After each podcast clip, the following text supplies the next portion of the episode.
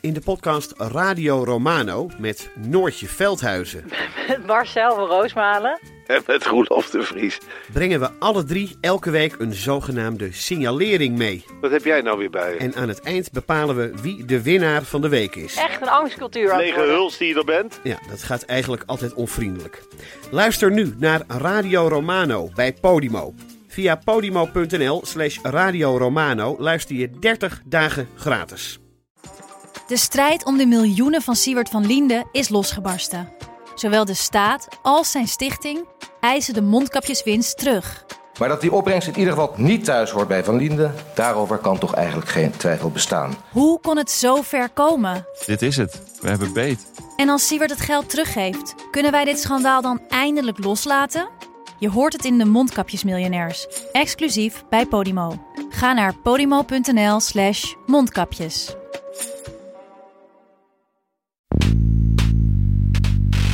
Zelfs straks als er vaccin is en zelfs als de gezondheidscrisis over is, is de sociaal-economische crisis nog niet over. Die dreunt door. Dit is Betrouwbare Bronnen met Jaap Jansen.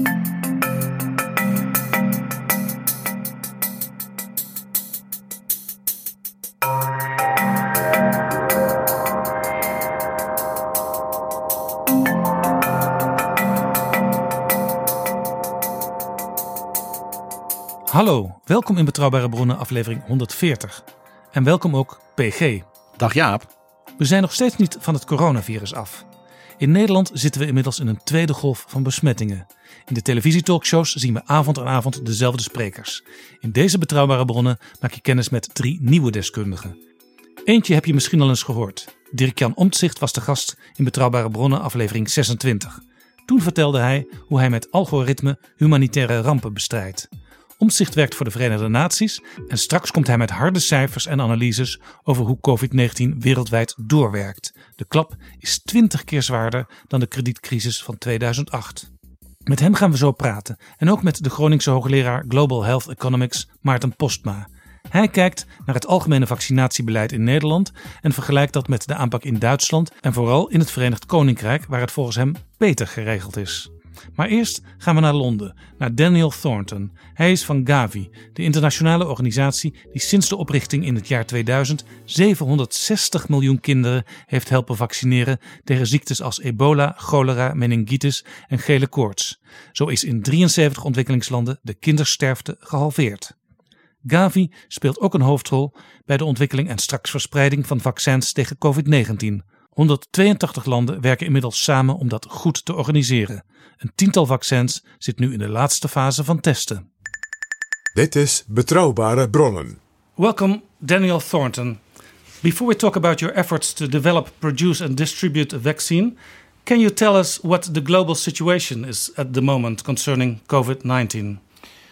Well, I think your listeners will be aware that uh, COVID 19 is in every part of the world. Um, there have been more than a million uh, recorded deaths already uh, from, from, the, from the pandemic. Um, and of course, uh, it's had a very big impact on social and economic life around the world uh, with, with hundreds and, and hundreds of uh, even billions of dollars uh, of, of economic damage, uh, in addition to the lives uh, lost and, and severely disrupted. Um, so, we we are working very hard to make sure that vaccines get all all around the world uh, to deal with the global situation. What, uh, let's say, regions in the world, maybe even more than just countries, are most worrying for you and for Gavi now? Well, Gavi's uh, Gavi was set up 20 years ago to make sure that vaccines got shared around the world and, and got provided to people in developing countries as quickly as possible as uh, when they were available to rich countries. Um, so our main focus is developing countries, and it's clear the pandemic is is is, is really been affecting uh, the Indian subcontinent very very strongly. Um, in terms of recorded cases, Africa doesn't look like it's had so many cases, but that may be down to a, a measurement problem rather than um, the reality of, of the situation. And and certainly, you know, when we talk to uh, African leaders, they are very keen to have the vaccine, uh, vac- you know, COVID nineteen vaccines as soon as possible. And Brazil, I heard, is also quite a, a hotspot. Yes, indeed. I mean, so that that's a country that's uh, it's an it's a it's what's known as an upper middle income country. Uh, so it's uh, not been uh, eligible for Gavi support, uh, but uh, is part of the the COVAX facility, which which I will will go on to discuss. Yeah, can you tell us a little bit about that COVAX facility? You are from Gavi, and you work together with the World Health Organization and uh, CEPI, that's the Coalition for Epidemic Preparedness Innovations. What groups and what countries do you combine to, to make this big effort? As of now, we have 182 countries around the world um, part of the facility. Um, so, most countries, uh, obviously.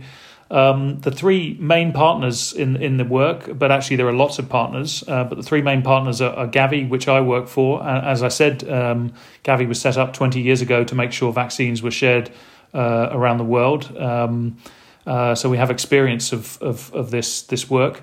Um, the World Health Organization, which obviously has a, a vital role in in um, setting the standards for vaccines and, and checking whether vaccines meet those standards uh, and in helping countries to to implement uh, vaccine programs. And then, um, as you said, uh, the Coalition for Epidemic Preparedness Innovations, which was set up in 2017, and you know, very f- far-sighted uh, group of people, I think, said we need to be prepared for the next pandemic. And CEPI was already investing in vaccine technology so that it could have vaccines available quickly in the event of another pandemic. And and, and so they're a vital part of the of the of the the, the coalition that we have providing a portfolio of vaccines. So you are working on more than one vaccine. How many vaccines are being developed uh, worldwide, and with how many are you involved? So there are more than 200 vaccines being developed around the world, which is really unprecedented in terms of the scale of, of uh, you know uh, research and development.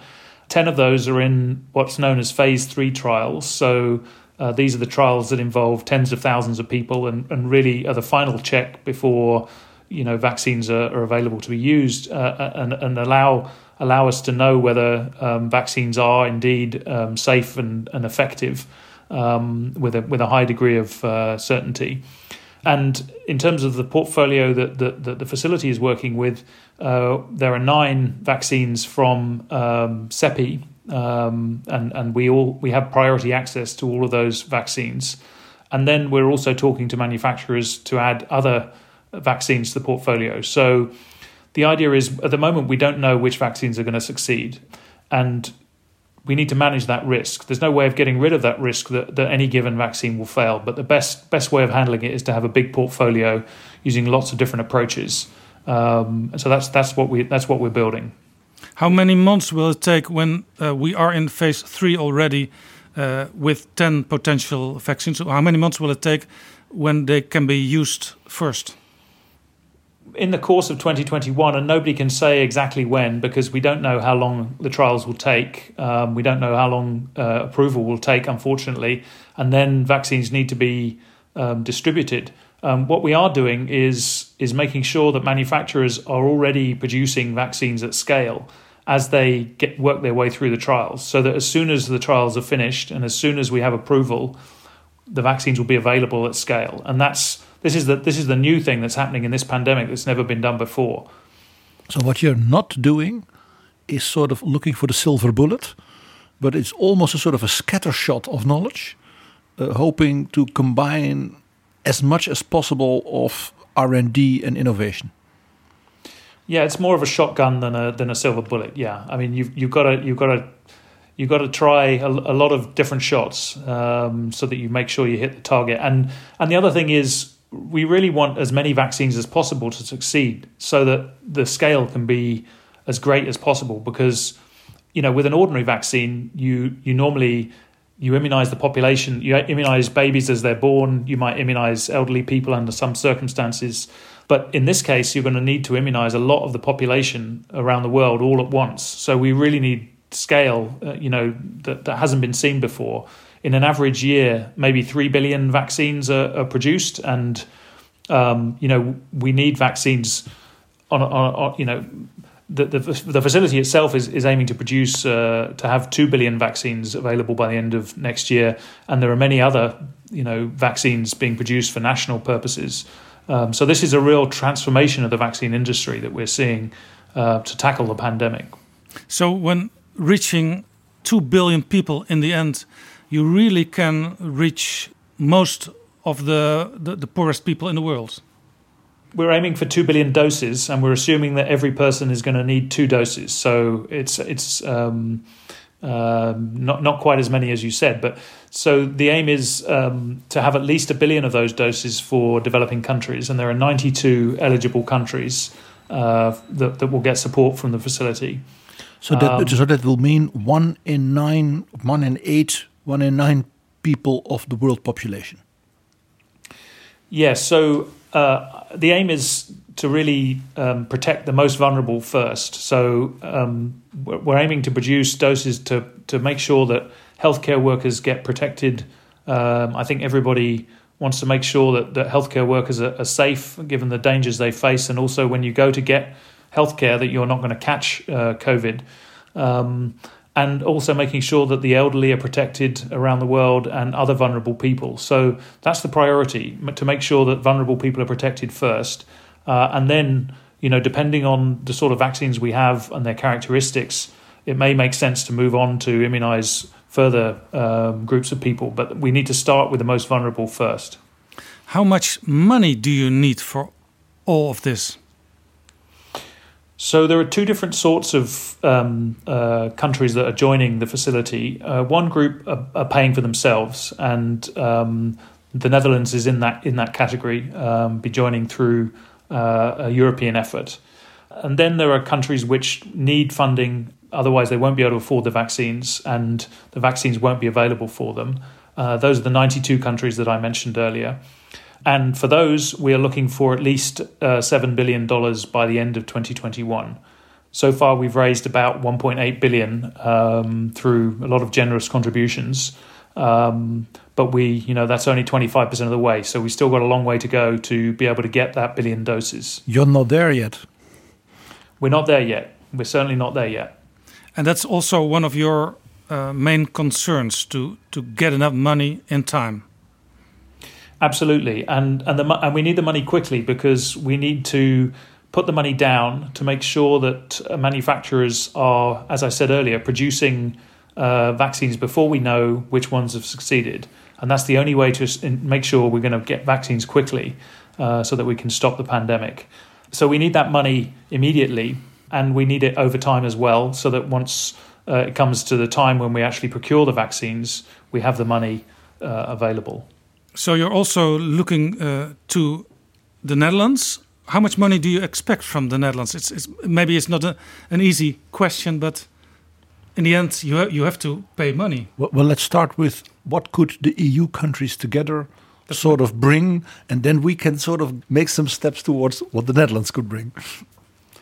both the EU and the Netherlands have both been generous contributors to Gavi in the in the past, and um, you know are, our, our sort of pr- usual work, which predates COVID, um, and we, you know, we will will but over the last 20 years we'll have immunized um, more than a billion children uh, and you know saved 22 million lives we estimate uh, based on that by 2025 and that's you know a lot of that is down to support from from the European Commission and from uh, the Netherlands. So we're very grateful for that. In terms of in terms of covid uh, the Commission has announced uh, guarantees of 400 million euros, uh, which are very helpful for us in, in managing our, our finances and making sure that we have money available immediately, as I mentioned earlier. And discussions are going on with, with um, the Commission and the Member States um, to see what other support might be possible. Yes. Um, and then um, the Netherlands itself has, has already announced uh, 5 million euros. Uh, and, you know, we're grateful for any support um, of course, we have, as I mentioned earlier, quite a large uh, funding target uh, for the end of 2021. So, you know, we, we hope it will be possible for further contributions to be made. Apart from the money, what role can the European Union and the Netherlands play?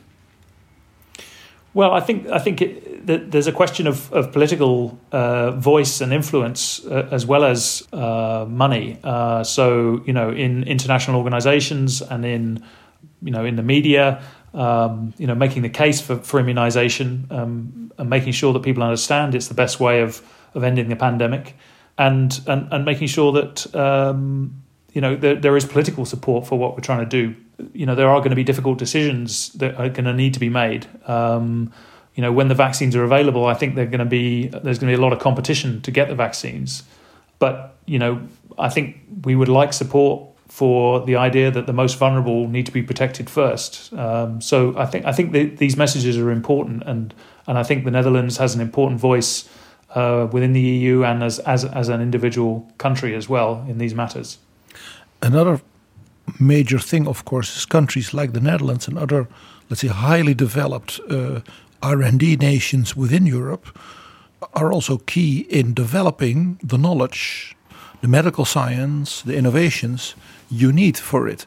So maybe the national governments and the European Commission could also sort of push and stimulate those scientists and everybody to give their all. Yeah, I, mean, I think in a way that isn't necessary because, as I said, there are, has incredible been an incredible response from the scientific community. Um, I, I mean, I think that what I would say to that is that is that you know everybody's obviously very focused on COVID now, but you know this won't be the last pandemic. Um, we we we, ha- we had a pandemic in 2009, which I mean it it wasn't as serious as, as this pandemic, but maybe half a million people died around the world. Um, H1N1 uh, flu. And and really, we look at that that pandemic as an example of what not to do, um, because in that case, rich countries got the vaccines for that against H1N1, and developing countries really didn't get the vaccines until it was too late, and they didn't get enough either. So you know, when we look at that pandemic, we say, well, you know, what we got to do is avoid a repeat of 2009. So that's a bitter lesson just to just to finish, I think we, we we look to the future and we say, well, you know, we also need to do better than we've done with with COVID. Um, we need to be ready for the next uh, pandemic, which means organizing scientific effort, you know, to prepare for the future. Um, and also organizing the financing so that it's available very quickly. I mean, we've set up this international cooperation in really record time. Uh, you know, a matter of a few months, getting 182 countries to join. But you know, it, it would be better if it was already ready. Uh, we had the agreements in place, and we could start immediately as soon as the pandemic, uh, you know, is declared. Um, so I think there are definitely lessons for that we need to learn from this. So th- that could also be a very good role for, for instance, a group of European countries who would be willing to do that kind of analysis, sort of a critical reflection on, you know, lessons from both those pa pandemics you uh, you just uh, mentioned. Yeah, and I think I mean people have already looked at the 2009 pandemic, and, and part of what I'm saying now is is based on on those reports. But but certainly we need to, you know, I think it's really important that the EU and and and the Netherlands itself um, looks at uh, what more can be done in in the future, what we can learn from what's happened this time round. Still, there is some uh, vaccine nationalism uh, still here for instance, when COVID 19 entered Europe, uh, all the individual nations and some nations teamed up in a small group, but no one said, let's do it all the way together. Yeah, I, I mean, I think it, you can't criticize governments for trying to protect their populations. I mean, that's the, the first job of any government. Um, but what we've been encouraging governments to do is to join the global effort um, because we, we, we decided that if you know to avoid the situation in 2009 we couldn't just focus on developing countries. We couldn't just say you know we're going to try and get vaccines for developing countries. We, we, we were clear that if we didn't have countries like the Netherlands also part of the, the facility then we wouldn't have the weight that we need and we wouldn't be able to do the deals with the manufacturers to get the best prices and to make sure the doses are available early. Um, so that's that's why we've been encouraging countries to, to join the, the, the facility overall and to, and to focus on that but of course, governments will protect their own populations if they're able as well. Um, but next time round, you know, perhaps we will have a global facility which is so effective that governments won't need to have those national efforts in the same way. Is that the long term, let's say, ambition of COVAX? that's my ambition. you, you, you probably have the support of Dr. Ngozi, who we spoke with a few months ago. I, I, think I probably do, but I can't speak for Dr. Ngozi, but, but I imagine I do. Before we close this conversation, uh, is there something you want to tell us we, we didn't mention yet? I think it's been a good discussion. Um, uh, I, I, I, mean, I'm, I'm, I'm, I'm, I'm keen that the Netherlands plays a full role in, in the COVAX facility. Uh, and um, you know, both as part of Team Europe and uh, individually. Um, and you know, if your listeners can contribute to that, then then you know, please do. Um, uh, you know, both in terms of political voice and in terms of funding. I understood you also are going to tell the Dutch Parliament uh, in one or two weeks your message. Uh, it seems I am speaking to them as well, yes, which I'm very much looking forward to. So I'll, I'll take that message to them directly, but perhaps if they've uh, listened to your podcast in advance, they'll have some fair warning. Daniel Thornton, thank you for joining us. Thank you very much. Have a good day. Dit is Betrouwbare Bronnen, een podcast met betrouwbare bronnen. We gaan naar New York, naar de Verenigde Naties, om te praten met Dirk-Jan Omtzigt, hoofdeconoom van de United Nations Office for the Coordination of Humanitarian Affairs. Welkom in Betrouwbare Bronnen, Dirk-Jan Omtzigt. Uh, graag ben ik te gast. We spraken net met Daniel Thornton over de gezondheidstoestand in de wereld op dit moment en over de ontwikkeling, productie en distributie van vaccins. Met u gaan we praten over de sociaal-economische en financiële situatie in de wereld. We kennen de Nederlandse en de Europese situatie. Er wordt veel geld in de economie gepompt om mensen aan het werk te houden en te voorkomen dat bedrijven failliet gaan. Maar hoe is de situatie in lage inkomenslanden op dit moment? We maken ons enorm veel zorgen over de secundaire impact van de uh, COVID-crisis um, in, uh, in lage en middeninkomenslanden om even een beeld te schetsen hoe de wereld eruit ziet en hoe deze landen er nu uitziet. Nou, het wordt verwacht dat uh, dit jaar uh, dat we een krimp krijgen in de wereldeconomie van ongeveer 4,4 procent. Um, en dat is veel meer dan tijdens de financiële crisis. En, uh, dat heeft hoe, hoe, was de krimp toen? 0,2 procent. Dat is een enorm verschil, ja. Heel groot verschil. De cijfers zijn net iets verbeterd, maar dat is alleen omdat... De... Factor 20. Ja. Ik, ja, ik ben een alfa, maar een u niet. maar volgens mij is dat een factor 20 erger. Uh, ja, maar er is ook heel veel uh, verschil tussen landen hoe snel het gaat. De, de, bijvoorbeeld China heeft zich snel hersteld en daarom zijn de cijfers iets naar boven bijgesteld. Maar als we nu kijken wat er nu in West-Europa aan de hand is, um, met een dreigende of al een nieuwe tweede lockdown, dan zullen die cijfers hoogwaarschijnlijk naar beneden bijgesteld weer worden. Um, ongeveer 90% van alle landen is nu in recessie. En dit is de diepste recessie in de uh, afgelopen acht decennia en de breedste ineenstorting van het inkomen per hoofd van bevolking sinds 1870. Um, Mag ik daar uh, als historicus een opmerking bij maken? Natuurlijk. Niet iedereen in Nederland weet dat.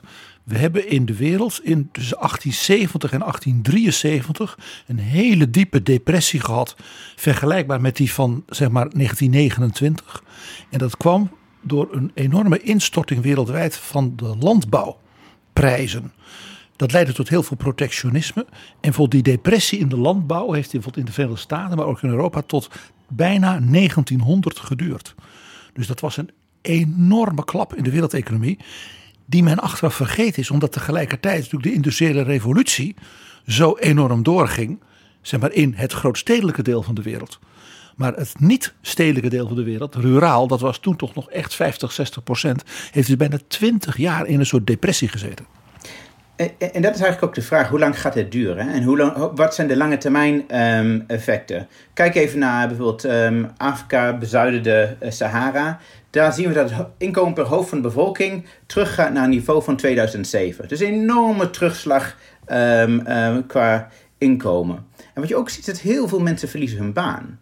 Um, er wordt, kijk, als je kijkt naar het tweede kwartaal, wordt er uh, 17% minder gewerkt. Dat betekent dat een equivalent van een half miljard banen verloren gegaan is. Er krabbelt het wel een klein beetje op in het derde kwartaal, uh, naar 12% ineenstorting. Maar als iemand buiten het arbeidsproces is, dan verlies je ook skills. Je arbeidscontract wordt soms ehm, eh, ehm, eh, afgebroken. En om dan opnieuw een inkomen te kunnen genereren, is enorm eh, problematisch. En dat zie je voornamelijk bij mensen die al heel kwetsbaar zijn. Dat zien we in Nederland, zien we in het buitenland ook. Mensen die in, in de informele sector werken. En heel veel mensen in lage en middeninkomenslanden, zo'n 80% van de mensen, hebben gewoon hele informele banen. En die raken dan ook hun, ehm, hun inkomen, inkomen kwijt. En als... Ja, er is een soort internationale armoedegrens die staat op 1,90 dollar per dag. Daar komen heel veel mensen nu extra onder terecht. Ja, de Wereldbank heeft vorige week nieuwe cijfers bekendgemaakt. Um, en we denken dat uh, ongeveer 150 miljoen mensen extra onder die grens duiken. Um, bij het eind van, uh, van volgend jaar. We kijken altijd naar die grens, 1,90 eh, dollar. Maar er zijn nog een aantal andere grenzen. Bijvoorbeeld de grens van 3,20 dollar. Die zit er maar betrekkelijk kort bovenop. En daar zakken ongeveer 200 miljoen mensen doorheen. Dus je ziet heel veel mensen die echt naar beneden schuiven in hun inkomen per hoofd van de bevolking. Maar moet ook niet vergeten dat de mensen die al arm zijn, worden nog veel armer. En substantieel ook. En als je nog armer wordt, wordt het steeds moeilijker om uit die armoedeval uh, te ontsnappen. Recent onderzoek in India heeft gekeken naar mensen die onder het, uh, de armoedegrens uh, zat. En het inkomen van die mensen in april is bijvoorbeeld met 61% naar beneden gegaan. Dit zijn al mensen die onder de armoede zitten, armoedegrens zitten. En die zijn nog een keer 61% van hun inkomen kwijt. Hetzelfde zie je in... Mag ik even ja. voor, voor, voor de helderheid. Dat zijn dus mensen die zitten onder die 1,90 per dag. Ja. Dus die zitten zeg maar zo op 1,75 en daar gaat dan nog weer 60% af. Precies. En we zien... Dus die houden dan maximaal een dollar over. Precies. In Bangladesh... het maar zo concreet mogelijk te maken. Ja. Want voor ons als rijke Europeanen, we hebben geen voorstelling daarvan. En dus dan heb je echt nog maar centen in je handen. Hè? Um, in Bangladesh is precies hetzelfde. Um, daar onder de mensen die onder de armoedegrens is het naar beneden gegaan met 75% in die maanden dat we die lockdown en in het begin van de crisis. En wat we nu doen, is we hebben dus alle projecties van de Wereldbank. Maar we hebben ook dat we elke maand in ongeveer 100 landen samen met de Wereldbank um, surveys doen. Huishoudsurveys, om te kijken hoe gaat het nou precies. Want één ding is duidelijk. De modellen die we hebben, de economische modellen, die zijn niet toegericht op, eh, op dit scenario een economisch model weet precies als je de, de, de rente met, een, uh, met uh, eh, 10 basispunten omhoog doet, wat er dan gaat gebeuren. Niet als er ineens iemand allemaal thuis blijven. Dat, daar zijn die modellen niet voor gemaakt. Dus we moeten ook heel duidelijk kijken wat er nou precies aan de hand is, on a day-to-day basis, om een zuiver beeld te krijgen van, van de impact. En wat we daar zien, is over het algemeen slechter dan de voorspellingen. En die modellen worden dus hiermee ik zal maar zeggen, ook voor de economische wetenschap, zelf volledig van binnen, binnenste buiten gekeerd. Ja, ja. Eh, eh, eh, maar het is ook heel moeilijk hoe je dit zou, zou moeten modelleren. Um, zo denken we niet over de economie. Want de, economie gaat over transacties, gaat over dat je mensen kunt ontmoeten. En precies like de, de uh, economy of the lack of distance, dat je kunt eten, dat je kunt shoppen. Dat element van de economie, die eigenlijk fundamenteel is voor ons hele economische systeem, dat halen we weg. Omdat we anderhalve meter, of eigenlijk zoveel mogelijk uh, elkaar moeten gaan vermijden. Dat je geen dus- transport dus, hebben. Dus dat, dat, dat zal enorme impact hebben. En ook op manier waar we het eigenlijk nog niet in het begin over na hadden gedacht. Daniel Thornton vertelde ons vanuit gezondheidsoogpunt zijn we nu ook weer aan het leren. Want er gebeuren allerlei dingen die we op die manier nog nooit hebben meegemaakt. Maar dat geldt dus eigenlijk ook voor hoe economen naar de wereld kijken. Ja, en ook eigenlijk hoe we überhaupt naar de crisis kijken. Vaak denken we, uh, uh, kijken naar deze crisis en denken we dit is een gezondheidscrisis. Maar dit is een societal crisis. De hele, hele maatschappij is in crisis. En we moeten al die elementen van die crisis in kaart brengen. En dat hebben wij gedaan. Want ik zit eigenlijk in een team dat probeert na te denken over wat voor crisis we op de horizon zien. Dus um, een storm, een droogte, een overstroming. En dan maken wij dan een, een voorspelling van, vlak, lang van tevoren, hoe zo'n crisis er zich gaat verspreiden door de samenleving. En wat dan de inflectiepunten zijn om de crisis af te buigen. Het kan wel overstromen, maar je kunt dan mensen wel uit hun huis halen en op het droge brengen. Of het kan wel droog uh, zijn, dit, maar je kunt mensen een, een uh, drought-tolerant seeds geven. Dus er zijn allerlei dingen die we kunnen doen. Maar uh, daarvoor maken we een soort van crisis timeline. Hoe een crisis zich gaat uitvouwen over tijd. En dat doen we ook hier met deze crisis. En het, het, het manifesteert zich op, uh, op manieren waarop we eigenlijk in het begin niet aan gedacht um, hadden. En um, daar, dat scherpe denken, daar zijn wij voor. Ik ben eigenlijk een soort van het hoofd van een red team. Wij proberen continu de, de consensus ter, uh, ter discussie te stellen. Hoe, hoe um, wat zijn de properties van het virus? Um, en zijn die wel zoals we denken dat die zijn? Of, of we hadden heel snel contact met de Universiteit van Florida bijvoorbeeld. Uh, laatst werden die geciteerd in de New York Times. Maar daar hadden we al een, het voorjaar contact mee. Um, want die hadden het, het virus in de lucht uh, waargenomen. Um, als deeltje. Veel ver, heel ver weg van, van mensen. We, we, we, vragen ons af wat zijn de sociaal-economische impacten en wat zijn nou eigenlijk de, de meest effectieve manieren om in te grijpen. En zeker in soort van wat we noemen low resource settings. Dus uw taak is ook een beetje om mensen die, ja, laten we zeggen, jarenlang in een bepaalde denkgroef zitten bij de aanpak van problemen, om die even ja, uit hun evenwicht te halen, omdat er misschien nog wel hele andere dingen spelen. Ja, en, en, en waarom is dat? Eigenlijk zijn het twee dingen. Ten eerste hebben we um, is heel veel onzekerheid. En de tweede uh, is heel veel complexiteit. En wat je dan heel snel ziet is uh, tunnelvisie. En dat moet je uh, willens en wetens, en dat doen we dus binnen de VN, willens en wetens willen doorbreken en alles continu ter discussie, intern ter discussie stellen. Dat moet je niet extern doen, want dan haal je de, het, het, het, uh, geloof in wat je doet uh, publiekelijk onderuit. Dat moet je niet gaan doen. Maar intern moet je heel scherp zijn. en er zijn eigenlijk drie vragen. Met de huidige onzekerheid doen we wat juist is. Maar er is heel veel onzekerheid en zijn we agressief genoeg om die onzekerheid weg te nemen. Om onderzoek te doen naar alles wat we niet weten. Hebben we het heel goed voor ogen wat we eigenlijk niet weten. En du moment dat een, een, een andere werkelijkheid uh, uh, ontstaat, gaan we dan ook een ander beleid voeren. Dat nu uh, gericht is op een beter idee van hoe deze crisis zich zo gaat ontwikkelen. Volgens mij wordt het daar, daarop straks afgerekend, collectief. Niet omdat dat je misschien in het begin een verkeerde beslissing hebt gemaakt. Als die beslissing maar de juiste was op dat moment met de kennis van toen. Maar wel in, met een achtneming van dat je de onzekerheid um, um, uh, continu hebt weg proberen te nemen. Dit is een variant van de bekende vraag: doen wij de goede dingen goed? Ja, klopt. Heeft u hier alles over gepraat met de ambtenaren van Hugo de Jonge?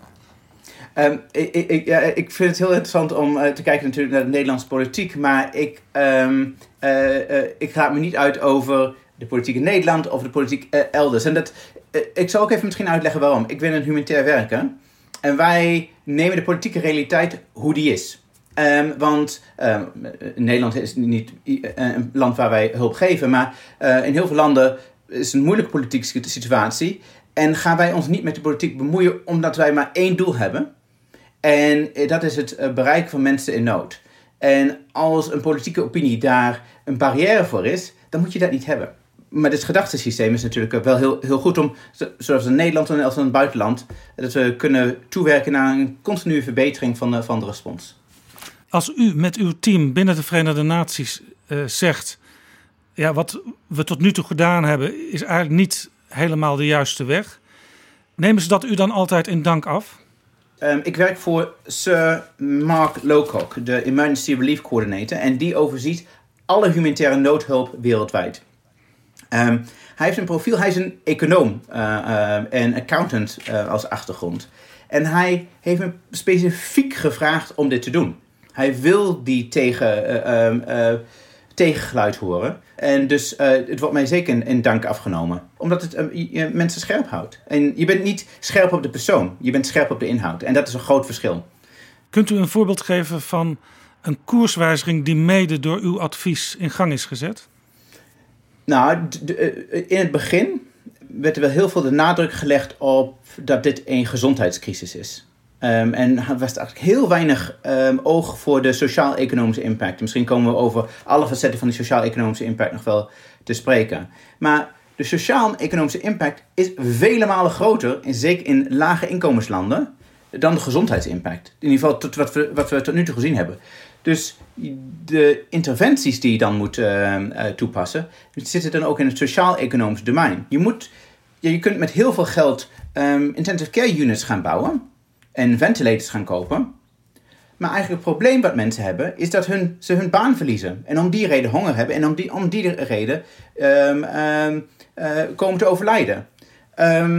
Nou, dat kun je aanpakken door een soort van cash transfer systeem op te zetten. En op dit moment hebben, zijn er 1200 cash transfer systemen in 200 212 landen opgezet. Dus bijna alle landen zijn begonnen met een soort van basisinkomen te geven aan mensen die in nood. Uh, het is een van de grootste veranderingen die, uh, die er heeft plaatsgevonden. Uh, daar neem ik niet alle krediet voor, maar dat we nu zien dat dit een economische crisis is en dat dit hoog aan de agenda, op de agenda stond van de annual meetings van de Wereldbank en de IMF deze week, laat zien dat we nu de crisis hopelijk wel beter begrijpen. Daniel Thornton die vertelde ons dat, het, dat COVID-19 in Afrika in veel landen nog wel meevalt, maar dat lang niet alles bekend is van wat er in Afrika gebeurt. Dus het is moeilijk om het te meten. Maar het is natuurlijk ook zo dat als in delen van de wereld COVID heerst, dat dan meteen de hele wereldeconomie ook in problemen is. En dus ook iedereen, in, eigenlijk in welk land dan ook als we kijken naar bijvoorbeeld Afrika en, um, uh, en het aantal um, uh, gedetecteerde besmettingen, dat is geen goede graadmeter. En het is enorm laag. En dan denk je, nou, de mensen hebben het dus helemaal niet.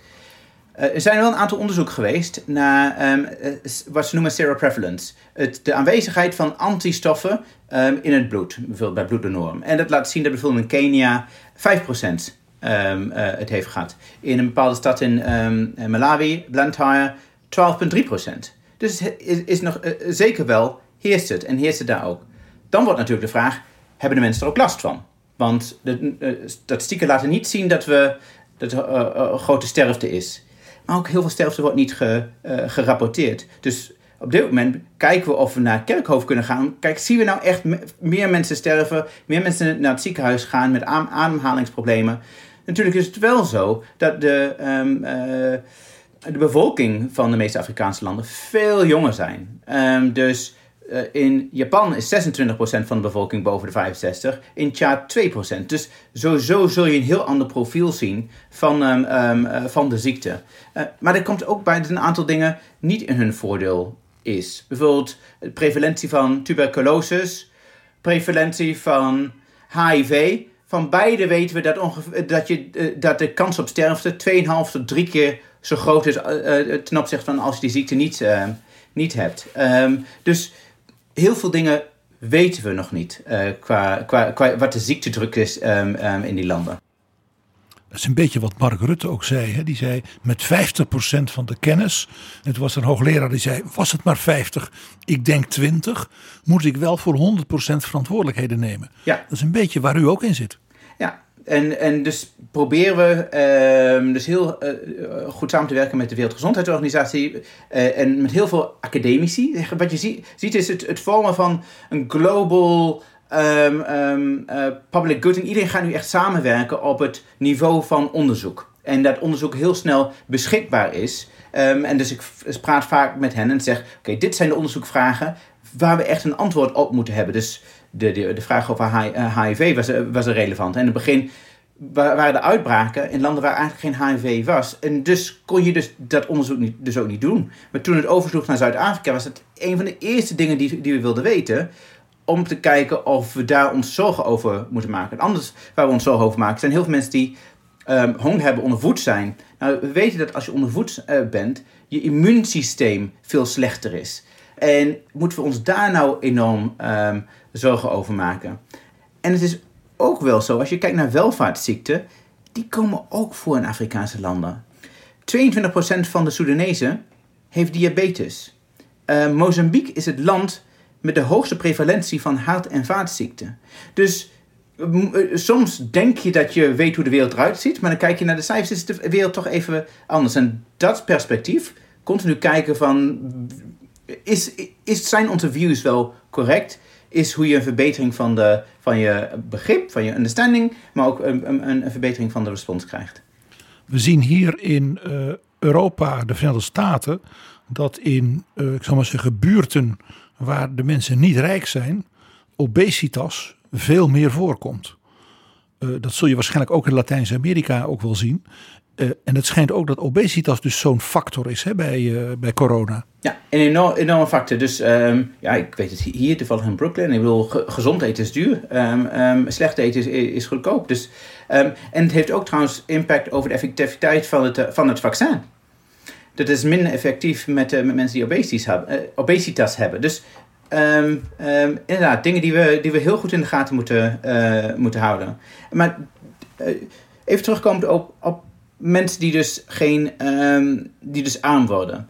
En dat zien we dan weer terugkomen in een, een, een, een toename van het aantal mensen dat echt honger gaat hebben. En we, zijn, we voorspellen dat het aantal mensen dat honger krijgt. En honger is een heel sterk gedefinieerd concept binnen de humanitaire wereld. Um, um, wat we noemen een IPC classification, International Phase Classification. Als je fase 3 of hoger zit, dan heb je dus echt, kun je niet meer in je um, uh, uh, behoefte voor voedsel voldoen.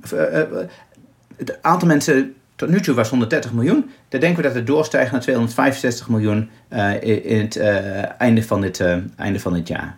en dat zal komt bovenop al de miljard mensen die eigenlijk chronisch honger zijn. Maar dit is dus um, acute honger. Um, dat is dus de helft van de bevolking van de EU. Ja, ja precies. Ik bedoel, dan zitten we aan een, meer dan een kwart um, uh, miljard mensen. En, dat, en dit gaat dan ook weer lange termijn effecten. En dit uh, waar we het net over hadden. Dus um, kinderen die honger hebben, hebben ook een probleem met leren. We worden vaak uit school gehaald, maar als ze al leren, dan um, uh, is het mentaal vermogen uh, verminderd. En die kosten zijn enorm. Ze hebben het een, uitgerekend. De Cost of Hunger heeft de Wereldvoedselprogramma net uh, de Nobelprijs voor de Vrede gekregen. Het Wereldvoedselprogramma en UNICEF hebben dat berekend. En dat bedraagt 16% van het bruto binnenlands product van Ethiopië bijvoorbeeld. Honger is duur. Het is een, is, is een drama. Het zou niet voor moeten komen, maar het is ook nog ontzettend duur. Het, is, het drukt enorm op je toekomstige groei als, als je dat hebt eh, binnen je samenleving. En dus deze effecten die gaan doordreunen. Um, een ander iets wat je ziet, zijn mensen dus in armoede vervallen of honger hebben. Die moeten toch op. Ja, wat doe je dan? Dan ga je, uh, ga je maar dingen die je hebt verkopen. Je, wat we noemen de productive assets. En dat is natuurlijk een probleem. Dat heb, je, dat heb je dus één keer heb je uh, profijt van, want je hebt het inkomen van die, van die verkoop. Maar daarna ben je je koe kwijt of je geit kwijt. En dan heb je geen inkomen meer op de langere termijn. Dus daar wil ik zeggen, deze crisis is nog lang niet over. Um, en ook als er, straks als er vaccin is, en zelfs als de gezondheidscrisis over is, is de sociaal-economische crisis nog niet over. Die dreunt door. Dat is heel dramatisch wat u hier zegt. Deze crisis is nog lang niet over. Het dreunt nog heel lang door. Hoe kunnen we dit oplossen? Want ja, met, met best wel wat landen in de wereld ging het de laatste tientallen jaren steeds beter. Uh, vanuit het Westen drijven we natuurlijk handel. Uh, we doen ook aan ontwikkelingshulp. Misschien niet genoeg, maar we, we doen het. Maar op dit moment, door corona, is elk land, is elk werelddeel toch heel erg met zichzelf bezig. En ik kan me voorstellen dat, dat, dat dan nog minder aan de allerarmste landen wordt gedacht. Ja, dat, dat is uh, inderdaad zo. Alhoewel ik moet zeggen dat de generositeit um, uh, groeit elk jaar. Zeker in, uh, in de hoeveelheid noodhulp die er gegeven wordt um, aan landen. Maar die, de vraag naar die noodhulp die gaat omhoog. Dit jaar bedraagt die 40 miljard. 10, 15 jaar geleden was dat 4 miljard. Uh, we zien dat die vraag uh, explodeert, voornamelijk als het gevolg van conflicten. Een, een conflict zoals Jemen of Syrië, het, het, het, bieden van noodhulp aan de mensen die daar getroffen zijn, is enorm duur. A, omdat er heel veel zijn. En B, omdat de operationele omstandigheden enorm complex zijn. Je moet alles, uh, zelfs in Zuid-Sudan, als je dingen moet ingaan vliegen, um, is, is, is het heel, um, um, heel erg duur. Nu, nu zei ik dat de oplossing hiervan zit niet in het geven van uh, noodzakelijkerwijs alleen meer noodhulp. De oplossing zit erin om, te, om de regeringen te stutten en te zorgen dat er geen uh, systeemrisico's ontstaan. Misschien kunnen we daar uh, straks over praten, over wat, wat de systeemconsequenties zouden kunnen zijn qua conflict. Maar dus je wil die, die regeringen wil je stutten. Nou, de landen die het betreft, die hebben een hele smalle inkomensbasis. Um, dus die hebben vaak A, het systeem niet, maar ook zeker niet de fiscale middelen om een basisinkomen te, te geven aan mensen die getroffen zijn. En nu worden mensen getroffen die voornamelijk in de steden wonen, niet in het platteland. In het platteland kun je gewoon doorgaan met het, uh, met verbouwen van je veld. Er zijn ook wel problemen, maar in de steden heb je meteen een probleem. Dus er moeten additionele uh, uh, middelen komen voor die regeringen om dat um, uit te rollen. Wat we nu zien is dat de IMF, de Wereldbank en de Regional Development Banks daar nu mee aan de slag gaan. En tot nu toe is er ongeveer 107 miljard dollar aan um, alle uh, midden- en lage inkomenslanden uh, gegeven. En ook aan, wat hoge inkomenslanden. Dat lijkt heel erg veel, maar, maar 10 miljard daarvan is terechtgekomen bij de allerarmsten. En um, het is ook niet terechtgekomen met de landen, bij de landen die de grootste schok hebben in uh, het aantal mensen dat in de armoede belandt. En u zegt het lijkt heel veel, maar het is maar 1% van wat de OECD-landen gezamenlijk aan stimuleringspakketten voor hun eigen landen hebben gedaan. precies, we hebben uh, 11 triljoen dollar uitgegeven aan uh, stimulantspakketten. En eigenlijk hebben we gezegd, de normale regels die we hebben, um, um, Stability and Growth Pact, daar doen we even niet aan, want nu is de nood aan de mand en nu moet we gewoon geld uit gaan geven. En dat moet um, 10, 12 procent van het bruto binnenlands product zijn. Ja? Een, een equivalent uh, uh, nummer zou dan uh, 90 miljard zijn um, um, voor, voor, de, voor de armste inkomens. En dat geld um, is er niet en wordt nog niet verstrekt.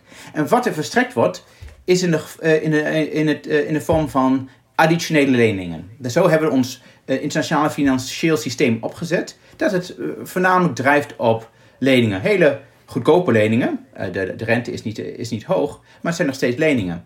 En, en het gaat dus eigenlijk om lening op lening op lening voor die landen. Precies, want heel veel van deze landen die zijn al in um, uh, een crisis qua hoeveel geld zij geleend hebben extern. Um, en dus wat je gezien hebt in um, vorige week is dat Zambia gezegd heeft wij kunnen onze leningen niet meer betalen. Dus, maar niemand dacht toen je dit virus opnieuw zag, zag in Wuhan, nou dat gaat dus leiden uh, uh, uh, tot het feit dat Zambia hun lening niet meer kunnen betalen. Dus daar gaat het om, dat je doordenkt wat er nu gebeurt. Nou, en Zambia wel, is dus feitelijk failliet. Um, nou, daar moet dus een oplossing voor, voor komen. Wat, wat, er wel gebeurd is, um, en dat, ook dat heeft Zambia niet geholpen, is dat we gezegd hebben, kijk, al die landen hebben grote leningsdruk. En het kost veel geld op hun uh, uh, overheidsbudget om die leningen te kunnen betalen.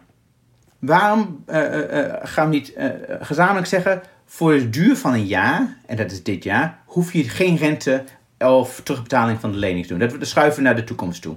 En deze week is besloten dat het nog even voor zes maanden wordt verlengd. Dus er wordt wel aan gewerkt, maar die leningen blijven gewoon staan. Hè? Dus de, eh, en dat, eh, de, uh, dus de leningen blijven staan, je hoeft even niet betalen, maar er worden andere leningen bovenop gezet.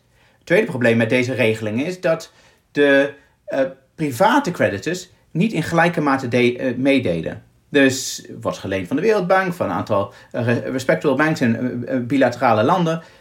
Maar er zijn ook commerciële partijen die, die geleend hebben. En die doen niet mee. Dus het, het, de, het respijt wat je aan die landen geeft, komt eigenlijk meteen te goed aan de, aan, aan de commerciële uh, partijen. En dat is ook niet, uh, niet, de bedoeling. En, maar hier ontstaat dus een systeemrisico. En dat is, je hebt dus marginale risico's, maar je krijgt ook systeemrisico's. Systeemrisico's is dat een land Zambia, maar ook andere landen straks niet meer in staat zijn om, um, om hun leningen te, terug te betalen. En dus, en dus in feite failliet gaan. Um, en dat is, dat, dat is, een, uh, dat is een, groot probleem. Nou, een land als Zambia.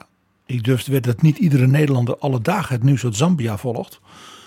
Maar dat is binnen Afrika een van de, ik zal maar zeggen, nette landen. Waar men relatief zijn zaakjes voor goed voor elkaar heeft. Waar ook de governance behoorlijk is. Als zo'n land al omvalt, dat is natuurlijk zeer zorgelijk. Want er zullen nog wel wat meer landen zijn waar misschien zeg maar, de governance uh, bepaald minder goed ontwikkeld is. Ja, we hebben dus al acht landen die um, in een zogenaamde debt distress zitten. En dan nog een keer 26 landen die at high risk of debt distress zijn. Dus zijn Die een glijden zeker- af, die glijden af, die landen. ja, dus die zitten al in een precaire eh, situatie. En dan kun je, heb je op het moment van crisis, dus niet. Wat, je- eh, eh, op dat moment moet je juist meer gaan uitgeven en die ruimte heb je niet. Je hebt minder inkomen en geen manier om toegang te krijgen. Eh, Zo, zoals u het schetst, is de situatie met die schuld op schuld op schuld zo extreem dat je het eigenlijk alleen maar kan oplossen door enorme schuldverlichting te gaan geven. En dat is eigenlijk is iedereen daar nu wel over eens. Ik bedoel, technisch wordt het heel erg moeilijk en hoe dat betaald moet worden. Maar dat die noodzaak er is en het geld niet terugkrijgt, dat is, is, is evident. Dus Christina Georgieva, hoofd van de IMF, David Malpass, hoofd van de Wereldbank, Antonio Guterres, eh, secretaris-generaal, allemaal zijn ze heel erg helder geweest. Deze de debt moratorium, zoals we dat noemen, moeten we wel gebruiken om een, een schuldenherstructurering door te voeren. Om ehm, deze landen weer op een betere voet door te kunnen laten gaan. Tegelijkertijd kunnen we ook wel oplossingen vinden voor het liquiditeitsprobleem dat deze eh, landen hebben. En dat hebben we ook in het verleden gedaan, tijdens de, ehm, eh, de crisis, financiële crisis in 2008. Ja, liquiditeitsprobleem, dat betekent ze moeten geld hebben om te kunnen uitgeven om de hoogste noden meteen te kunnen ledigen. Precies. En dus op dat moment, eh, wat er toen gebeurd is, is heeft de IMF zogenaamde special drawing rights uitgegeven. En die geven in alle landen eh, eh, ehm, tegelijkertijd via een bepaalde verdeelsleutel. Nou, toen is er iets van, ik geloof, 280 miljard eh, uitgegeven. Ehm, dat kunnen we nu weer doen. En we kunnen tot 500, 600 miljard in één keer genereren. En het is eigenlijk een, een, een truc om internationaal geld bij te drukken. Het is een, het is een, het is een international convertible currency dat gebaseerd is op een basket van, van currencies. Ehm, en iedereen krijgt extra ehm, reserves. En dat zou dus ook ten goede komen aan ehm, lage inkomenslanden, trouwens ook aan Nederland. Dus die, die, die, die deelt daar ook in mee. En daar, daarmee zou dus het acute liquiditeitsprobleem kunnen oplossen. En het laatste is natuurlijk dat je de banken die moeten eigenlijk eh, ook eh, iets meer lenen en echt gedifferentieerd lenen. En meer ehm giften geven aan, aan deze lage inkomenslanden. Want die kunnen het anders, ehm, anders niet bolwerken als ze alleen maar meer, meer leningen geven. Ik zag in een overzicht, er zeg maar, zeg maar 20 landen in de wereld zijn die dus echt helemaal eh, zeg maar, ah, zeg maar, de- op de- op de bodem zitten. De Zuid-Soedan, daar heeft u natuurlijk persoonlijk een hele bijzondere band mee. Eh, en ook daaruit blijkt dat, dat ook dat land er, het, nou ja, zeg, zoals u dat zo mooi zegt, zeer fragiel is. Kijk, eh, landen worden getroffen op verschillende manieren. Eh, ehm, en om verschillende redenen. Sommige landen zijn heel erg afhankelijk- van het overmaken van gelden van migranten. Ehm, een land als El Salvador. Ehm, eh, sommige landen zijn heel erg afhankelijk van het toerisme. Nou, we weten dat niemand meer op, op vakantie gaat. En sommige landen zijn heel erg afhankelijk van de verkoop van olie of andere grondstoffen. Nou, wat je ziet is dat de luchtvaart en mobiliteit 60% van de olievraag bepaalt. En dat werd natuurlijk enorm gereduceerd. En om die reden kelderde de olieprijs naar beneden. En in april was het nog maar 16 dollar per vat. En eigenlijk was het, had het een negatieve prijs op de futures market. Dat is nu iets bijgetrokken naar zo'n 40 dollar. Maar dat is nog steeds veel lager dan de normale prijs van olie. En er zijn een aantal landen, zoals Nigeria, Angola, maar ook Zuid-Sudan, die daar enorm afhankelijk van zijn. En in Zuid-Sudan ehm, is de verkoop van olie, dat is ongeveer 95% van de export en 98% van het overheidsinkomen. Dus 98 procent komt Precies. dus niet van belastingen van burgers of en dergelijke dingen, maar van één sector. Ja, ehm, en, en dat maakt je dus ook economisch fragiel. Want als de eh, olieprijs naar beneden gaat, heb je een, een acuut probleem. En elk jaar maken ze een budget en dan stellen ze een prijs vast waarvan ze denken dat dat de olieprijs is. En, dan kun je, en daar zijn eh, internationale schattingen voor. En dat was dus 55 dollar. Nu gaat hij naar de 40 dollar. En hij heeft op, 22, eh, op 16 dollar gestaan. Dus ze hebben meteen een heel groot probleem. En ik was ehm, ehm, eh, betrokken bij de onderhandelingen tussen Zuid-Sudan en Sudan en de afscheiding van, van, eh, van Zuid-Sudan. En het ging voornamelijk over hoe kan de olie geëxporteerd worden door de pijpleidingen die door Noord-Sudan, door Sudan op dit moment, ehm, eh, lopen. Nou, ehm, en daar zijn eh, eh, eh, vrij stevige tarieven toen voor afgesproken. Dat betekent dat ze eigenlijk niet heel veel overhouden van, de, van die olie. Wat gebeurt er dan? Dan als een land geen harde valuta binnenkrijgt, gaat je uh, munteenheid devalueren. Ik was betrokken bij het ontwikkelen van hun munt. En toen het in circulatie gebracht werd, was, kreeg je voor 1 dollar 2,4 Sudanese ponden. Dat zijn er nu 500. Dus dan kun je even nagaan wat voor um, um, uh, inflatie en devaluatie je hebt, uh, hebt gehad. Dat, dat, dat is Europa na de Eerste Wereldoorlog.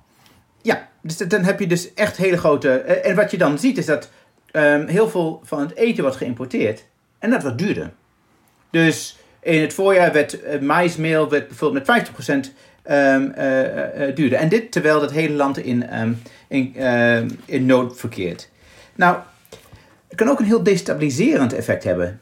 Om die reden. Maar bijvoorbeeld in dit, uh, uh, voor degenen die Zuid-Sudan een beetje volgen, er is weer een vredesakkoord gesloten, begin van dit jaar.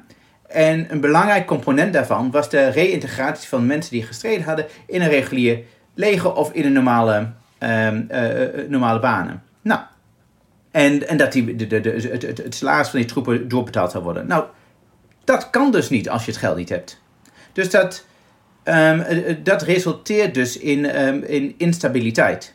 En dat is een ander punt uh, en een ander systeemrisico. Ja, dus we hebben het gaat over economisch systeemrisico's. Ander is het fragiliteits- en conflictsysteemrisico. Um, we weten hoe conflicten ontstaan. In ieder geval in algemene zin. welke factoren daaraan bijdragen. Ten eerste, als je sterke economische krimp hebt, neemt de, de, de, de, de kans van een conflict navenant toe. Echt enorm veel toe. Wanneer het ook toeneemt, is als je hoge werkloosheid hebt. Want dan is het makkelijker om jonge mannen te recruteren voor, uh, uh, voor milities. Hetzelfde is als mensen niet, en kinderen niet op school zitten. Dan hebben ze niet de, de, de, protective environment van, van zo'n school. Dan zou het, is toch even toch die drie factoren die we nu op dit moment zien. En uh, Foreign Policy heeft berekend dat de kans bestaat dat er um, ehm, 13 nieuwe conflicten, violent conflicts, kunnen, kunnen ontstaan. Als dat waarheid wordt, hebben we de grootste instabiliteit van de laatste 30 jaar um, wereldwijd. Dus dat zijn twee hele grote systeemrisico's die we dus ten koste van alles moeten willen voorkomen. Want als er een keer een, een oorlog ontstaat, is dat nou, natuurlijk enorm, um, um, uh, enorme klap voor een bevolking, heel veel lijden. Maar ook om een economisch punt. Ik bedoel, de, de, de, de oorlog in, in Syrië, dat heeft al 380 miljard aan schade opgeleverd. Um, en dat zet een land gemiddeld 30 jaar terug in ontwikkeling. Dat moeten we dus absoluut proberen te voorkomen. En daarom dus, dus proberen het virus, Dus het virus is in feite een aanjager van warlords en dat soort ook zeg maar, interne conflicten die dan zo'n hele regio destabiliseren kunnen.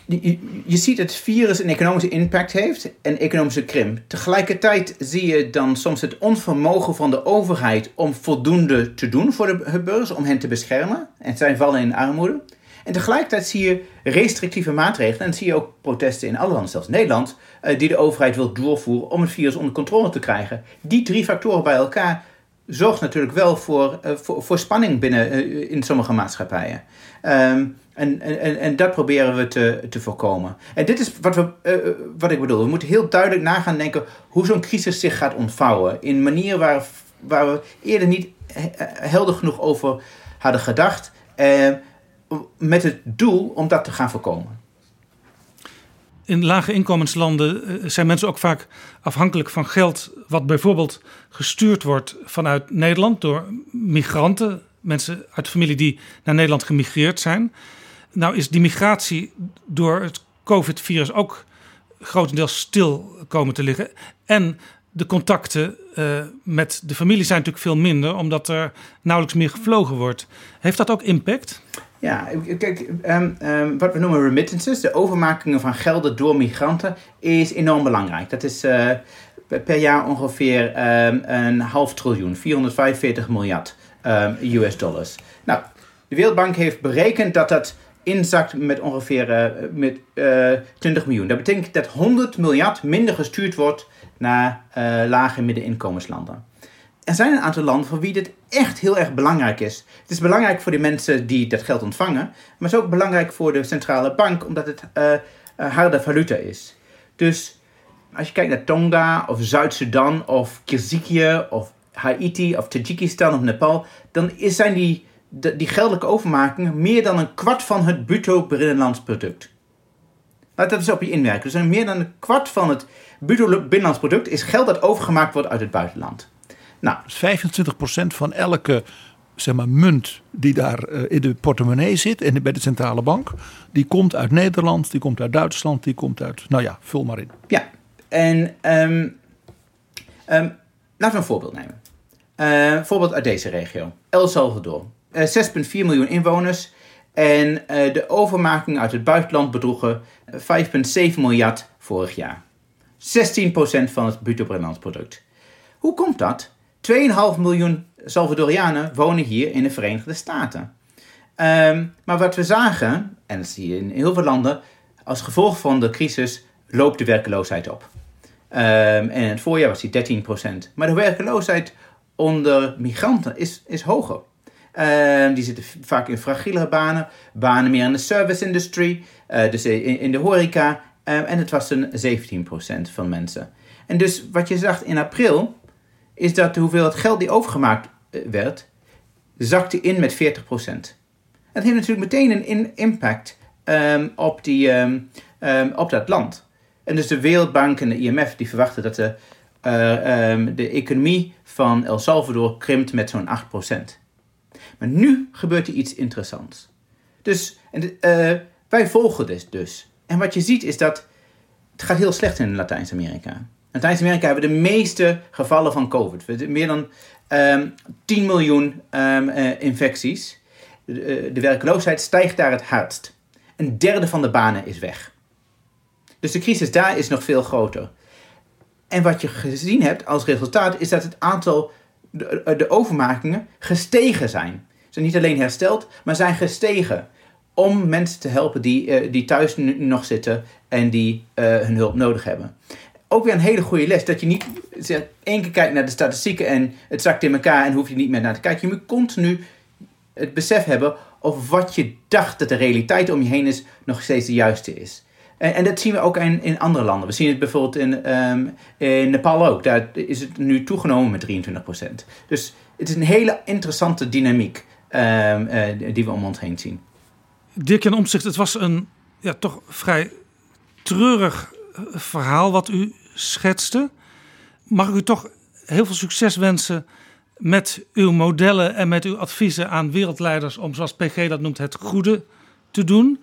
En laten we hopen dat door uw inzichten uh, ja, eigenlijk iedereen op de wereld meer uitzicht krijgt uiteindelijk. Graag gedaan. Dit is Betrouwbare Bronnen. Tot slot van deze aflevering gaan we praten met Maarten Postma, hoogleraar Global Health Economics aan de Rijksuniversiteit Groningen, voormalig lid van de Nederlandse Gezondheidsraad en nu lid van de Britse Joint Committee on Vaccination and Immunization. Met hem wil ik specifiek naar Nederland kijken en hoe wij hier omgaan met vaccinaties. Welkom in Betrouwbare Bronnen, Maarten Postma ik denk aan zich dat we in Nederland een, een, een uh, vaccinatieprogramma hebben wat uh, goed uh, wordt, wordt, wordt opgepakt door de, door de bevolking. De, de vaccinatiegraad in Nederland is over het algemeen hoog. Dus vooral bij kinderen. Kinderen worden, worden vrij snel gevaccineerd in Nederland. Nou, de, met name bij kinderen. We hebben natuurlijk bij het baarmoederhalskanker al wat oudere kinderen, zeg maar, hebben wel gezien dat het een probleem was, de, de, de opname. Dat is wel heel erg verbeterd. Uh, daar was natuurlijk een belangrijke issue, was, uh, en ik denk dat dat nu ook bij COVID, uh, of dat speelt allicht bij COVID mee, was de zorgen over de veiligheid. Maar nog even, uh, we hebben natuurlijk ook nog een ouderenvaccinatieprogramma. En dan denk je vooral aan het griepvaccin. Nou, daar is natuurlijk de opname, uh, de, de, de uptake, on, zo, ook, ook niet, niet, niet, bij lange na niet optimaal. Ja, want als je boven de 60 bent, dan krijg je elk jaar een oproep. Hoeveel mensen uh, laten daadwerkelijk zich vaccineren oh? De, de, de, er zijn aangewezen groepen voor vaccinatie en dat betreft de, de 60 jaar en ouder inderdaad en de, um, de risicogroepen beneden de 60 jaar. de risicogroepen, zowel boven als beneden de 60 jaar, daar is de, de, de, de, de, de dekkingsgraad, dacht ik, orde van grootte 80 procent. Maar als je buiten de risicogroepen valt, dus niet COPD, astma of allerlei andere condities hebt, ook, ook boven de 60, ik denk dat we dan niet veel hoger dan de 50 procent zitten. Maar ik heb de cijfers niet, de meest recente cijfers niet, niet, niet bij de hand, maar dat is wel een grote zorg. En dan is natuurlijk ook een grote zorg dat we in de, in de ziekenhuizen, in de zorg, de, niet zo'n goede dekkingsgraad hebben van het, van het griepvaccin. U weet alles van vaccins. Hoe verklaart u dat lang niet alle Nederlanders op dit moment zeggen dat ze zich, als er een vaccin is, dat ze zich dan tegen COVID-19 willen laten vaccineren? Dan, dan, dan denk ik dat daar gewoon heel sterk een rol speelt dat uh, iedereen natuurlijk beseft dat de COVID-vaccins onder enorme druk worden ontwikkeld. En er uh, zorgen zijn uh, over in hoeverre deze vaccins straks aan de standaard eisen voldoen die, die gelden voor vaccins ten aanzien van de veiligheid. Er is gewoon minder tijd dan normaal besteed aan het ontwikkelen van deze vaccins. Dus die zorg die, die is begrijpelijk. Dus dat is, dat is eigenlijk psychologisch verklaarbaar dat mensen denken van ja, is dit meteen wel het, het, het echt het juiste vaccin voor mij? Nou, kijk, wat, wat je dus heel vaak hebt, en dat is ergens natuurlijk ook weer heel oneerlijk, maar als, wij nieuwe, als er nieuwe vaccins zijn, het rotavirusvaccin is een voorbeeld, dat is heel uitgebreid uh, gebruikt, uh, heel snel, in bijvoorbeeld Brazilië. En dan hebben wij dus als, als, als, als westerse mensen de luxe dat wij uh, in een, nou wat is Brazilië, een middeninkomen land, dat wij heel veel gegevens daar al hebben over die veiligheid. Ja, dat is iets wat we bij het COVID-vaccin dus, dus niet hebben. Wij, in principe zullen de westerse landen de, de eersten, onder de eersten zijn die het gaan, gaan toepassen. En dan hebben we gewoon niet die luxe dat we weten van, van hoe het in andere landen is gegaan. En um, dat is natuurlijk een luxe die op zich Brazilië destijds niet had. En dat is ook een luxe die de Verenigde Staten vaak niet hebben, omdat die vaak vaccins heel snel invoeren. Ja, en, en daar, daar, daar worden wij nu ook mee geconfronteerd. Dat wij dus niet naar andere landen kunnen kijken van hoe ging het daar. waarom doen de Verenigde Staten dat? Nou, de Verenigde Staten is, is nou één keer een land, en dat is denk ik toch vooral cultureel bepaald. Uh, die zullen in principe iedere nieuwe medische uh, technologie, medische, de, iedere, iedere verandering, die wordt daar eigenlijk uh, ja, geïmplementeerd. De kosten spelen daar wat dat betreft vaak een iets minder grote rol. Ze hebben natuurlijk het zorgsysteem heel anders georganiseerd. Wij kijken bijvoorbeeld in Europa al heel lang, heel lang ook naar wat we dan noemen de kosteneffectiviteit. Dus wegen de, uh, de, de baten van, de, van een nieuwe technologie nou wel op tegen wat het kost. Ja, en die afweging is in de Verenigde Staten gewoon altijd veel minder geweest. Daar wordt als iets, uh, als men denkt dat iets, uh, iets de, de, gezond, de gezondheid, de volksgezondheid ten goede komt, ja, dan wordt het ook, ook, ook, ook geïmplementeerd en wordt de prijzen voor geneesmiddelen en dergelijke zijn, ook, zijn in het algemeen ook hoger in de Verenigde Staten. Omdat, om, ja, dat, dat, dat hoort bij die situatie. Dat laat dus zien dat alles rondom volksgezondheid en zeg maar de, hoe de samenleving daarmee omgaat, dus in hoge mate ook cultureel en bijna zelfs ook bijna politiek-cultureel is bepaald. Ik, uh, ik, ik, ik, denk dat dat, dat, dat eh, helemaal waar is. Hè. Dat zien we natuurlijk ook wel hoe, hoe Nederlanders nu de, de, de, de COVID-maatregelen opvolgen. Hè. Wij zijn natuurlijk ook een. een, een, Nederlanders vragen, vragen veel eerder waarom. Waarom eigenlijk? Waar, waarom moet dat? En, en nou ja, vergelijk het met onze oosterburen. Dat is allemaal heel anders. Dus dat klopt. Daar zit een heel belangrijk cultureel aspect aan, ja. Hoe zit dat met Duitsland? Want uh, ja, ze zijn onze buren. Uh, we vergelijken ons ook vaak uh, met Duitsland. We vinden ons soms ook wel een beetje op elkaar lijken, maar soms ook niet. Hoe kan het dat Duitsland het eigenlijk nu veel beter geregeld lijkt te hebben? Want de cijfers van Duitsland, als het over COVID-19 gaat, die zijn, die zijn veel beter. Nou ja, ik denk wel dat, dat men in Duitsland st stringenter is in het opvolgen van de maatregelen. En dat zit hem denk ik in, in, in, de, in de cultuur. Anderzijds denk ik wel dat, dat ook Duitsland die, die toename in die aantal gevallen zal gaan zien de komende tijd. Ik denk dat Duitsland meer op dit moment achterloopt dan dat ze het, dan dat ze het helemaal kunnen vermijden. Ja, het meest recente is dat bijvoorbeeld de stad Berlijn en dat is toch een beetje een soort, uh, net zulke eigenheimers als de Nederlanders, uh, dat het daar dus nu echt weer hard uh, oploopt. Ik verwacht eigenlijk ehm, dat Duitsland, natuurlijk, ehm, die doen het op, op een bepaalde manier beter, maar ik, ik, ik ben bang dat ook daar, dat, ze, dat ze het meer op ons achterlopen dan dat ze het nou per se zo vreselijk veel beter doen dan wij. Samenvattend, tot nu toe lijkt het in Duitsland beter te gaan dan in Nederland, maar u denkt dat dat niet zo blijft. Laten we eens even naar een ander land kijken, het Verenigd Koninkrijk, want u zit daar in de Joint Committee on Vaccination and Immunization. Hoe is het in het Verenigd Koninkrijk geregeld? Ja, we, uh, daar, daar is natuurlijk de COVID-situatie op dit moment uh, um, uh, niet best. Ehm, daar wordt uitgekeken naar het vaccin. Dat er is natuurlijk ook een belangrijke speler, Engelse speler. Ja, Nederland heeft natuurlijk ook wel wat uh, ijzers in het vuur. Maar het Oxford-vaccin, zoals we dat noemen, die uh, ligt uh, al lange tijd redelijk vooraan in de vaccinontwikkeling. En dat is Oxford, dat is Engeland. Dus daar zit, daar zit Engeland ook dicht op. En de commissie, die u zo vriendelijk al noemde, waar ik lid van ben, die u in de inleiding al noemde, die Joint Committee Vaccination and Immunization, die uh, wij vergaderen momenteel uh, uh, wekelijks over de introductie van het vaccin. Daar zijn, er zijn hele positieve scenario's voor dat dat misschien inderdaad eind van het jaar al wel effect zou, geëffectueerd zou kunnen worden. Je weet het natuurlijk nooit, er kunnen ook nog allerlei tegenvallers op de weg komen. Engeland is denk ik heel, heel die, um, die lopen voorop in het, uh, nu misschien ook wel bij, bij het nadenken over de introductie van COVID-vaccin.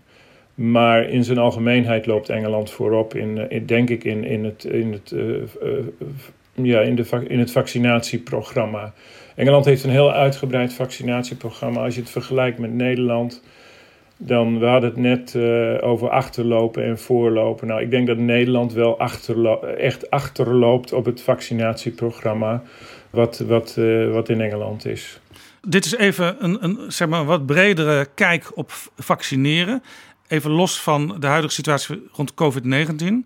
U zegt dus eigenlijk, Nederland zou het wel beter kunnen doen als het gaat om vaccineren in het algemeen. Ja, ik denk dat Nederland het, eh, als het gaat om vaccineren, eh, inderdaad beter zou kunnen doen. En misschien, misschien zou de bevolking dan ergens ook nog wel beter voorbereid zijn voor zoiets als uh, het, voor, het COVID-19-vaccin en in zijn algemeenheid voor, voor, voor, voor het bestrijden van, van dit soort crises met, met, met, met vaccins. Um, uh, Engeland uh, heeft bijvoorbeeld een veel uitgebreider uh, vaccinatieprogramma bij griep, bij influenza. Ik denk dat het ook wat dat betreft in, in de bevolking een veel breder draagvlak heeft gekregen daardoor. Um, in Engeland is bijvoorbeeld ook een vaccinatieprogramma voor kinderen tegen griep. En het gaat niet zozeer om die kinderen, maar dat is ter uh, versterking van de bescherming van, uh, van, van de ouderen, van de grootouders uh, van die kinderen, zeg maar. En ja, zo, er zijn in zijn algemeenheid in Engeland een aantal vaccins die, die daar in het programma zitten, die niet in, in, Nederland niet in het programma zitten. Zoals ook weer dat griepvaccin bij, bij, bij zwangere vrouwen. Maar uh, denk, uh, denk ook aan uh, het, het, het, het vaccin tegen gordelroos, wat, wat in Nederland wel in de planning zit, maar in Engeland al, al, al een tijd in het programma zit. En meningokokken B bij zuigelingen is een heel duidelijk voorbeeld. Gezondheidsraad heeft negatief geadviseerd twee jaar geleden. Engeland heeft het een jaar of vier, vijf geleden al in het programma opgenomen. En het is een verschrikkelijke ziekte voor, uh, voor, voor, voor baby's. Heeft dat te maken met, ik zeg maar zeggen, de traditie in Engeland van de bijna legendarische verering van de National Health Service, dat het via de NHS loopt? Goeie, goed punt. Um, um, als, de, de, de, de, adviezen van, de, van, van die commissie, waar ik, waar, waar ik dan ook lid van ben, als, als, er zijn twee buitenlanders in die commissie. Um, ja, die worden inderdaad uh, die worden omarmd. Die, die worden omarmd en die worden um, in die zin uh, ook eigenlijk uh, uitgevoerd en ook door, door, door, de, door de bevolking ook, ook breed, breed geaccepteerd. Ja, in Nederland is, is dat toch anders. Ik denk er is vaak in Nederland uh, um, ja, en dat heeft ook alweer een goede kant natuurlijk, moet je altijd toch ook wel weer erkennen. Er, wordt, er meer gediscussieerd over de zaak en, en uh, de, de Nederlander zal toch inderdaad iets, iets meer vragen van, waarom moet dat nou? U heeft in de Gezondheidsraad gezeten in Nederland. Nou is zo, die Gezondheidsraad die moet advies geven aan de minister over te nemen stappen. die Gezondheidsraad weegt ook mee, want dat wil de politiek graag wat zijn de kosten van een nieuwe stap? Uh, vindt u dat we in Nederland soms toch wat te zuinig zijn op dit terrein? Um, ja, ik denk dat dat, uh, dat dat zeker het geval is. Hè. We, we hebben um, zo een beetje in Nederland een idee van wat een levensjaren dat we, dat we redden, wat een leven. En dat vertalen wij dan vaak naar levensjaren, wat dat dan mag kosten. En uh, als je dan kijkt naar nieuwe middelen in de, in de oncologie, uh, ik noem al die immuuntherapieën die recentelijk geïntroduceerd zijn in de oncologie. En dat is natuurlijk dat is fantastische vernieuwing en dat, dat moet je ook hooglijk waarderen. Maar dat mag, hè, daar mag de prijs van een dergelijk middel omhoog gaan tot, tot, totdat, het, totdat we op een punt komen dat een, nieuw, uh, dat, dat een gewonnen levensjaar, zoals we dat noemen, 80.000 euro kost.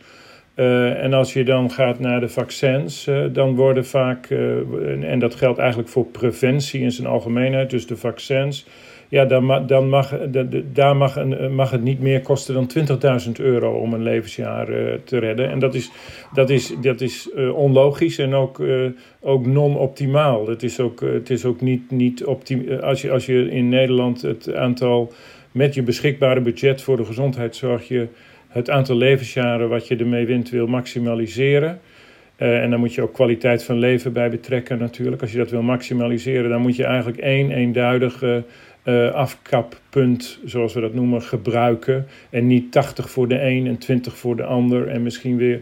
Maar dan zou ik geneigd zijn om te zeggen: dan moet je, moet je die voor vaccins moet je, moet je absoluut omhoog brengen. Ja. Hebben, de, hebben de Britten en de Duitsers dat beter geregeld?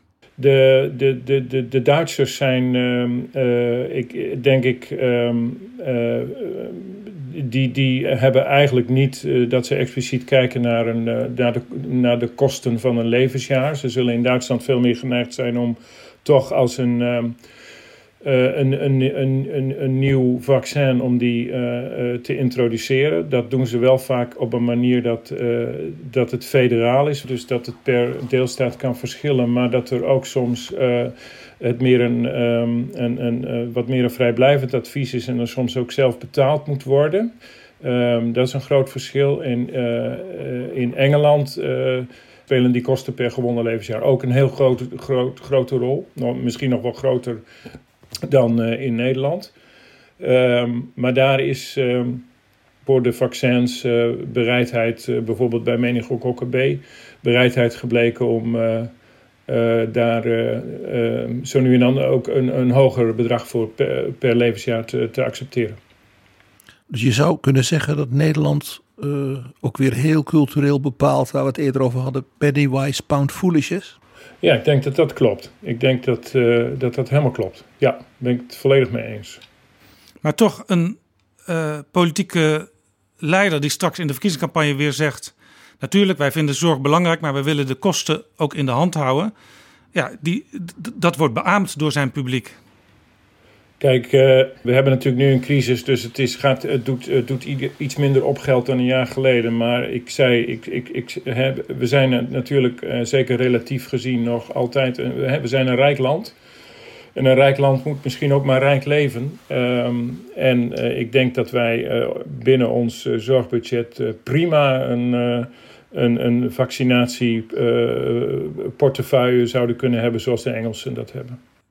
U vergelijkt Nederland met uh, wat de Britten doen. We hebben een beetje naar Duitsland gekeken.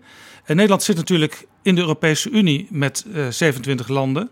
Maar die Europese Unie die heeft geen gezamenlijk volksgezondheidsbeleid. Vindt u dat dat er wel moet komen? Ik denk zeker dat dat er moet komen. Zeker als je kijkt naar uh, vaccins. Vaccins gaat over infectieziekten. Infecties houden zich niet uh, aan grenzen. Alhoewel, hè, we hebben het eerder gehad over Duitsland en Nederland en COVID. En, en hoe, hoe dat dan toch verschilt.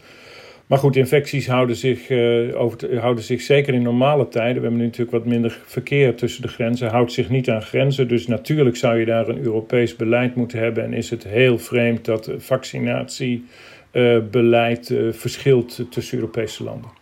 Nou, we zagen toen corona uitbrak dat ook de eerste reactie toch een hele opmerkelijk klassieke 19e eeuwse was. Namelijk dat dus de Europese lidstaten als het elkaar gingen uh, af, af, afkappen. Uh, van we gaan het eerst nationaal doen. En toen was heel duidelijk dat dat een inbreuk was op de, ja, de flexibiliteit van de interne markt. Dat je heel snel met elkaar kunt, kunt, kunt, kunt werken. En toen heeft men als het ware een soort omdraaiing gemaakt. Dat vond ik wel een opvallend verschijnsel. Hoe dus een oude reflex ineens weer kwam zodra er een existentiële bedreiging is. Ja, ik denk, ja, normaal hè. Vinden we, ja, vinden we niet gek natuurlijk. Dat, uh, ja, ik wel uh, als historicus, uh, maar ja. Ja, ja nou, ik, ik, ik denk, ja, dat, ik, ik denk dat dat, ja, ik, ik begrijp het wel. Ik vind het ook, ja, nee, dat, die reflex die, die is er. Uh, Engeland loopt voorop in het ontwikkelen van een van de COVID-vaccins. Dus allicht dat initieel er uh, gedacht werd aan uh, dat vaccin, ook met name met betrekking tot Engeland. Ook als ik kijk in mijn commissie, ja, dan gaat het over, gaat het over Engeland. En dan hebben we, het, hebben we het niet per se over, oh, maar we moeten voorzichtig zijn, want des te meer we naar Engeland toe, des te minder blijft er voor de rest. Dat is, dat is niet wat je van, ook van die nationale commissies uh, uh, kunt verwachten, denk ik. Dat moet op een uh, ander niveau gedaan worden. Ik denk wat speelt is dat je je onderhandelingskracht gewoon enorm versterkt als je het gezamenlijk doet. Dus daar, zijn ze, daar is men waarschijnlijk ook snel achter gekomen. je ziet natuurlijk als het gaat om geneesmiddelen hebben we tegenwoordig dat we dat vaak samen met België, Luxemburg, Oostenrijk en, en Ierland doen. En uh, dan heb je een, een sterkere onderhandelingskracht. en zo is dat bij die vaccins natuurlijk ook. Want daar spelen natuurlijk uh, initieel misschien niet, maar al snel uh, speelden de grote bedrijven daar ook een belangrijke rol. Hè? Astra bij, bij het Oxford-vaccin en Pfizer bij de andere. Zo zijn er nog een aantal. En, en daar moet je toch een sterke onderhandelingspositie zien te, zien te krijgen ten opzichte van die farmaceutische bedrijven. Wij begonnen deze podcast met Daniel Thornton van COVAX. Hij probeert zoveel mogelijk landen en organisaties bijeen te brengen om de ontwikkeling van vaccins te bespoedigen en betaalbaar te maken en ze vervolgens ook weer zo breed mogelijk te verspreiden, ook naar de allerarmsten. Ik neem aan dat u dat een goed initiatief vindt. Natuurlijk vind ik dat een uh, goed initiatief. Heeft u uh, vanuit uw kennis als wetenschapper ook nog een advies aan hem? Nou, mijn, mijn, mijn gedachte hierover is. Uh, uh, uh, laat ik even proberen mijn gedachten te volgen. En misschien kom ik dan wel tot, tot, tot iets. Um, COVID is een, een, is een enorme crisis en het heeft enorme effecten op de economie. als, je dat, als je dat dus zo zou, zou bekijken. Uh, en je zou dezelfde uh, criteria hanteren. Er zijn ook veel mensen, veel sterfte. Uh, dus als je zou zeggen van nou, wat mag zo'n vaccin nou kosten per gewonnen levensjaar, als je dat zou gaan berekenen, denk ik dat je best op een hoog bedrag uit zou komen, gezien de immense gevolgen wat de, de, die de pandemie heeft. Die hoge prijzen, die, die, ik denk dat we die niet hebben, want we, in de pandemische situatie waarin we nu zitten, gaat het veel meer om onderhandelingen. Uh, waar we het eerder over hadden, om onderhandelingen. Nog denk ik dat daar prijzen uitkomen die uh, voor uh, laag inkomen landen niet, niet betaalbaar zijn. Nou geldt dat aan zich natuurlijk ook, ook wel weer voor, um, voor, voor iets als het baarmoederhalskankervaccin in het verleden. Daar hebben we ook gezien dat die initieel alleen maar naar de rijke landen gingen en niet naar de arme landen. Misschien kon je ook zeggen dat het Westen zich destijds dat wel kon permitteren. Want de overdracht van baarmoederhalskankervirus uh, van, vanuit arme landen naar rijke landen. Uh, maar dit is een pandemie waar we nu in zitten. Dus ik denk dat ook de rijke landen gewoon een groot belang hebben bij, uh, bij een, bij een niet per se rechtvaardige, maar, maar wel bij een goede verdeling. Want je, je kunt jezelf hier niet, hier niet isoleren van de rest. Dus je moet, je, moet het, je moet dit internationaal aanpakken. Ik denk dat men dat realiseert. Maarten Posma, mag ik u hartelijk danken voor dit gesprek. Het was mij een groot plezier.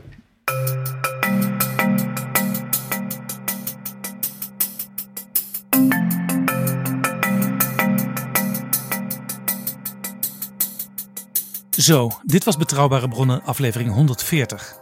In de beschrijving van deze podcast vind je links naar eerdere afleveringen van Betrouwbare Bronnen over het coronavirus, de geschiedenis van pandemieën en de sociaal-economische gevolgen en de aanpak ervan. Deze aflevering is mede mogelijk gemaakt door We Nederland en natuurlijk door donaties van luisteraars via de site vriendvandeshow.nl/bb. Tot volgende keer. Betrouwbare bronnen wordt gemaakt door Jaap Jansen in samenwerking met dag en nacht.nl.